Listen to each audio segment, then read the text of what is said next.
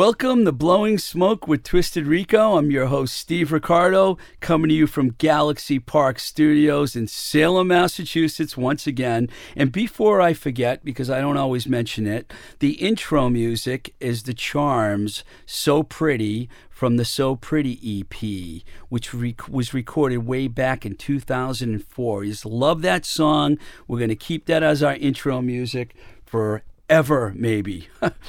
Okay, back to Salem, where we are, which is not only famous for its witchy environment, but it's also blossoming punk rock population, which is cool because I've always liked the place, even before the punks got here. It's on the water, the people are cool, there's good food. In fact, I just went and had a burrito at the Howling Wolf, in fact, right down the road from the studio here. And um, it's pretty good, pretty good burrito. Nothing like Baby Loves Tacos in Pittsburgh, but you know, it definitely was good, and I loved it. Um, it's been a weird time for me, and I haven't been able to record as many of these podcasts as I like because I moved twice in six months, which is absolutely insane. The first time when I moved from Pittsburgh, I was in a temporary month by one month location and I just couldn't take it anymore. So now I'm living in Wormtown, and only people around here know what Wormtown is. It's Worcester, Massachusetts, which for many years has been called the armpit of New England. It's right where I belong, man, right in the armpit of New England, and I'm glad to be there. I've got great memories and stories of, of uh, Worcester like Sir Morgan's Cove, famous rock and roll club you might have remembered back in 1983, I believe it was, or actually earlier than that, it was 81 when the Rolling Stones actually played the 300 capacity club. Another cool club in Worcester is Ralph's. They're still around. Uh, some other memories for me of Worcester. I went to Quinsigamond Community College, and that's where I met some really cool people, including Steve Aquino, who played in the band Crazy Jack and the Automatics, which I became a regular fan of, as well as a lot of the other punk rock bands in Worcester, like the Lynch Mob, Blue Moon Band, The Worst. I mean, I'll never forget actually the Battle of the Bands on in Grafton Hill in Worcester at an American Legion Hall which really turned into a battle of the bands when a brawl broke out on stage between bands. And uh, I'm not going to mention who started the brawl because I mentioned it many times before. Oh, hell, I'm going to mention it. Doug Hartwell jumped up on stage and punched out Bob Peters the singer of the Blue Moon Band, in the middle of the set. Bob broke his guitar over Doug's head. And if you don't think that that's what a battle of the bands which should be, you don't understand punk rock. It was one of the greatest things I've ever seen in the history of my history of watching music. And I actually left after that. The special guest band that night was the Neighborhoods.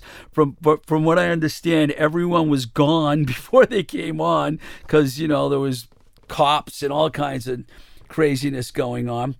Speaking of craziness going on, one of my most unfortunate nights ever was spent in Worcester, in a Worcester jail, when I was arrested at for, after a show.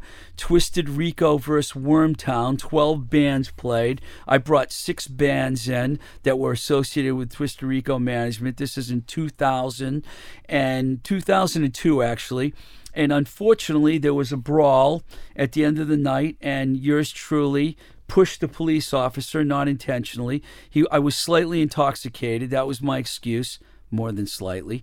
And I got arrested, spent the night in jail, didn't make anyone in my family happy. My bands were all cheering, though, as I was handcuffed and being walked away.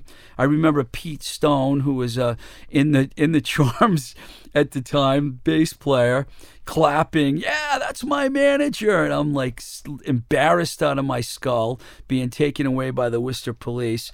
But um, I recuperated. I ended up getting out, getting off. I didn't. I don't have a record or anything. So, so, but it's good to be back in Worcester. I'm living in a really cool house in Vernon Hill, Vernon Hill, with a bunch of musicians, artists. There's actually a little studio in the basement. Band rehearses there. It's this funny looking plants growing all over the place. It's cool, man. It's Massachusetts, man. You know, it's not quite Boston, which is really almost unaffordable. Otherwise, all the punk rock kids from Boston wouldn't be living here in Salem. Richard Marr might not even be here in Salem at his stu- at this studio if it wasn't for the b- booming prices in Boston. They moving all the punk rock kids, all the musicians. Period are all being booted out. But um, we'll survive. We're surviving. We're alive. We're we're well. We're in Salem. I'm doing a little interesting twist here in the first portion of the podcast today. Instagram is such an important social media site now that I thought it would be cool if I talked about some of my favorite Instagram accounts. I'm going to have a little fun with this. It's all over the map, so bear with me. The first one I have on my list is Brandi Cyrus, which is at Brandi Cyrus, B R A N D I Cyrus. The name sound familiar? She's the sister of Miley and Noah Cyrus and the daughter of Billy and Ray Cyrus, which I have to say are one of the coolest families in music ever.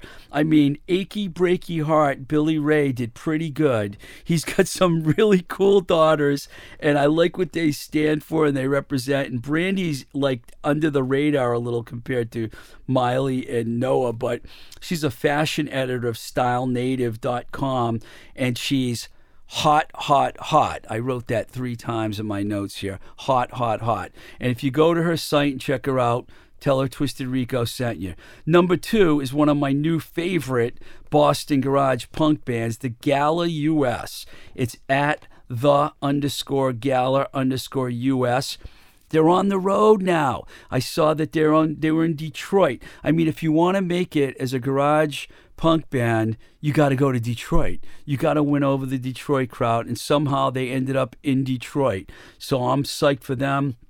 I think they're going to do really good. They actually recorded right in this very room here with Richard not too long ago. Up next, Ellie Jean Coffey at Ellie Jean Coffey. She's an Australian surfer and model from the famous Coffey family, and you got to check out her site. It's pretty cool. It's one of my favorite Instagram pages for sure. Next up, Sugar Dish at Sugar Dish. This is Sugar Dish the Boston burlesque legend, founder of Slutcracker and the Lipstick Criminals. I know Sugar Dish from when she was a manager at the 1369 coffee shop in Inman Square in Cambridge. Ironically, Margaret from Mr. Airplane Man also worked there. It's like a legendary little coffee shop in Inman Square, one of my favorite little hoods in Cambridge. Next up, Juno Temple, the actress at Juno Temple. I just watched Vinyl, the HBO series that was uh, executive producers Martin Scorsese and Mick Jagger. I rewatched it. She plays the A&R girl in the film in the in the series, I should say, who signed the nasty bits. Uh, it's just an, there's an incredible scene, by the way, in it when when the when the song "Rock and Roll Queen" by Mott the Hoople was playing, and she's having a threesome with two members of the Nasty Bits. That's A&R, man. Get to know the bands, really. You know, get to know the bands as well as you can. Get them to win you over. Anyways, I love Juno, and she's been in many other films and shows, and I highly recommend you check out her Instagram page. Up next, Metal Mary Bielek, who's like probably the coolest chick in the Pittsburgh music scene. It's at Satanic Mechanic. Okay, it's S E I T A N I C underscore mechanic. She's a vegan. She's a mechanic for real, a really good one. She's a bass player. She's an animal activist. She's playing in Behind Enemy Lines in the Mud City Manglers. And Metal Mary is one of the coolest. Follow her on Instagram. She is like one of my favorite people. I'm just going to leave it at that. Next, we got Corinne Fisher at Philanthrop. I can't pronounce it, but it's P H I L A N T H R O P Y G A L.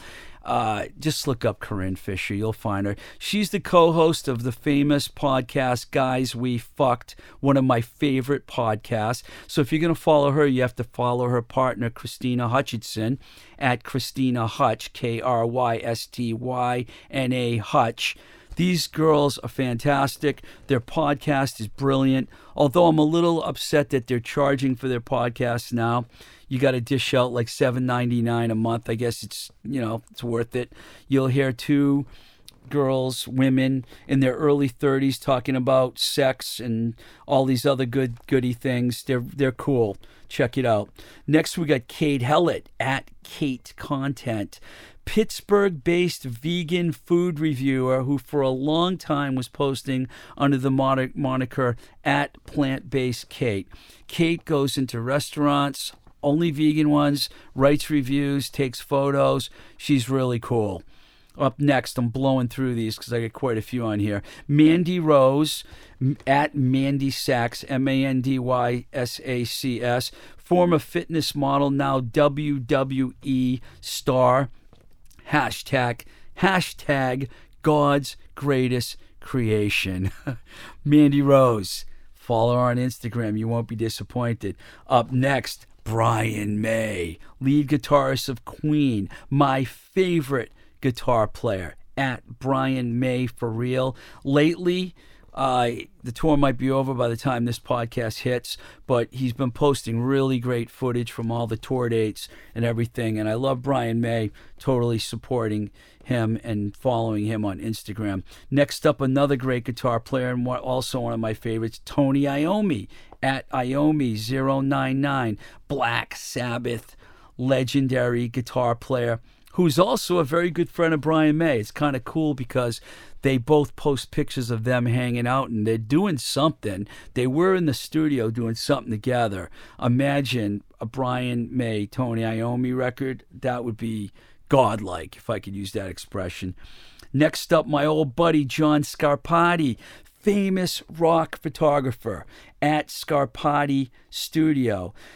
John and I go way back to the days of Poison. I was working with Poison. He shot the back cover of their first album. He had some unbelievably great parties in his loft in downtown LA in the 80s. A who's who of the LA uh, glam metal scene would be hanging out there, and yours truly would also be hanging out there. Last time I saw John was in Nashville. He showed up when the Charms opened for the New York Dolls, and we hung out backstage with Tom Petersson from Cheap Trick, Chris Doherty from Gang Green, my good friend Roadie Tom Wilson, of course, all the Charms, and everyone else that was there to see the New York Dolls and the Charms. And we've got Sarah Vanessa, who I also met in Pittsburgh, at Borne Flawed, B O R N E, Flawed. Another Pittsburgher, but she's based in New York now. I met her at Baby Loves Tacos with uh, photographer and videographer Dan Landoni. She's a beautiful and fantastic model, and I highly recommend you following her. Of course, there's many more, but these are just some of my favorite Instagram pages, accounts. I thought it would be kind of cool. You're welcome, Instagram, from giving you this free plug on my show, but I literally live on Instagram every day. Some of those other sites are all hat. Facebook's becoming a cesspool of political crap. It's just driving me crazy. I can't take it anymore. There's fake accounts, fake people, fake everything, and it's just it's just driving me crazy. I can't handle it. So I'm on Instagram. Look for me at Twisted Rico. Make that your favorite Instagram account. Okay, big, big no no. Before I go into the next segment, Richard Morris sitting here in front of me recording me, and I didn't even list at Galaxy Park Studios, which is also another outstanding, cool Instagram page. And I'm not just saying that because Richard's here, because he does post photos of all the bands that come in here, and there's legendary, one legendary band after another. It's like the punk rock mecca up here in Salem now. So forgive me for not mentioning that. I want to talk about a random request that I got from a listen, listener named Melanie. I don't know her. She's a fan, which I love. I love when I have fans that I don't know because I know most of my fans. We're still building the base. She asked me what are my top 10 songs most played on iTunes and I'm figuring, well, I have to definitely, uh, you know, respond to this. But you know, Melanie, first of all, let me tell you that I mostly listen to Spotify and vinyl records, of course. Like if I want to really hear something, I put on a record. But if I want to find things that I don't have, I go on Spotify. But I am on iTunes quite a bit. So when I looked up my top, it gives you your top 25, and I saw my top 10. I was pretty impressed with my list. It's kind of a strange list, but I am going to go through it with you just because Melanie asked me to. Number one most played song on iTunes by yours truly. Roxy Music, the main thing. Now, this is like all time. So I've had my MacBook since 2011. That's right, it's still running eight years later. So, in the last eight years, the song I've listened to the most on iTunes is Roxy Music, the main thing. Number two, The Sounds, Dorchester Hotel. Definitely, these are some of my favorite songs, so this is not exaggerated at all. I love The Sounds. I love Dorchester Hotel. Number three, the Von Bondies, Come On, Come On. Great Detroit band with a song with one of the best hooks. I mean, really fantastic hooky song, and that's there. Number four was a little bit of a surprise, but not really. Anna Waronker, Love Story. Now, Anna Waronker, you might remember from the fantastic LA band, That Dog, one of my favorite 90s LA bands. I thought they could have been a lot bigger than they were, but they weren't. Number five, Arcade Fire, Suburban War. Once again, not surprised. Number six, another Roxy Music song, Jealous Guy. Bryan Ferry's outstanding cover of the John Lennon tune. Really, really happy when I saw that on my list. Number seven, Tegan and Sara, Hell from the Sainthood album. I've been a Tegan and Sara fan for a long time. I saw them twice in concert. Love seeing them. Hopefully, I'll see them again. They kind of went a little too commercial for me on the last record, but there's still hope for them. The Con is still probably one of the greatest records ever made. Number eight, no surprise here, the Beatles, Strawberry Fields Forever. And all the way down at number nine, The Charms Dream, which was from the Pussycat record, one of my favorite Charm songs. And number 10, Lemuria, Lemuria, Lemuria. I hear that name pronounced so many different ways. M L M E L E M U R A, Lemuria, Buffalo, New York, Pants. I love that song. Honestly, I was a little surprised with some of the list, but I still think it's cool. And in case you're wondering, Mr. Marr, Flexi Galaxy Park was in my top 20 of most listened songs ever on iTunes. it, I, it, there's a couple other songs there from Flexi too, because I love that Flexi Takeout record, one of the best records ever made. All right, well, I want to thank Richard and also our producer G, who's out in Pittsburgh once again, and uh, also our sponsor JLS Design, 187 Main Street, Leicester, Mass. Uh, very close to Worcester. They do custom screen printing, embroidery. Great place for bands to get all their T-shirts, hats, hoodies, etc. They can be found at jlsdesignprinting.com, and their email is jlsdesignsales at gmail.com. Really cool people made me some cool shirts. I'm going to make more soon. The first batch is gone. They went pretty fast. Thank you for everyone that grabbed one. And, you know, thank you for listening to the Blowing Smoke with Twisted Rico podcast. And please consider supporting us for $1 a month on our Patreon page. It's patreon.com slash Twisted Rico, where you can get exclusive updates, photos, etc. Uh, we really enjoy doing this and we want to keep the podcast going. So thank you for everyone that's listening. Until the next time we say goodbye, this is Blowing Smoke with Twisted Rico, and I am your host, Steve Ricardo. Keep the rock and roll alive.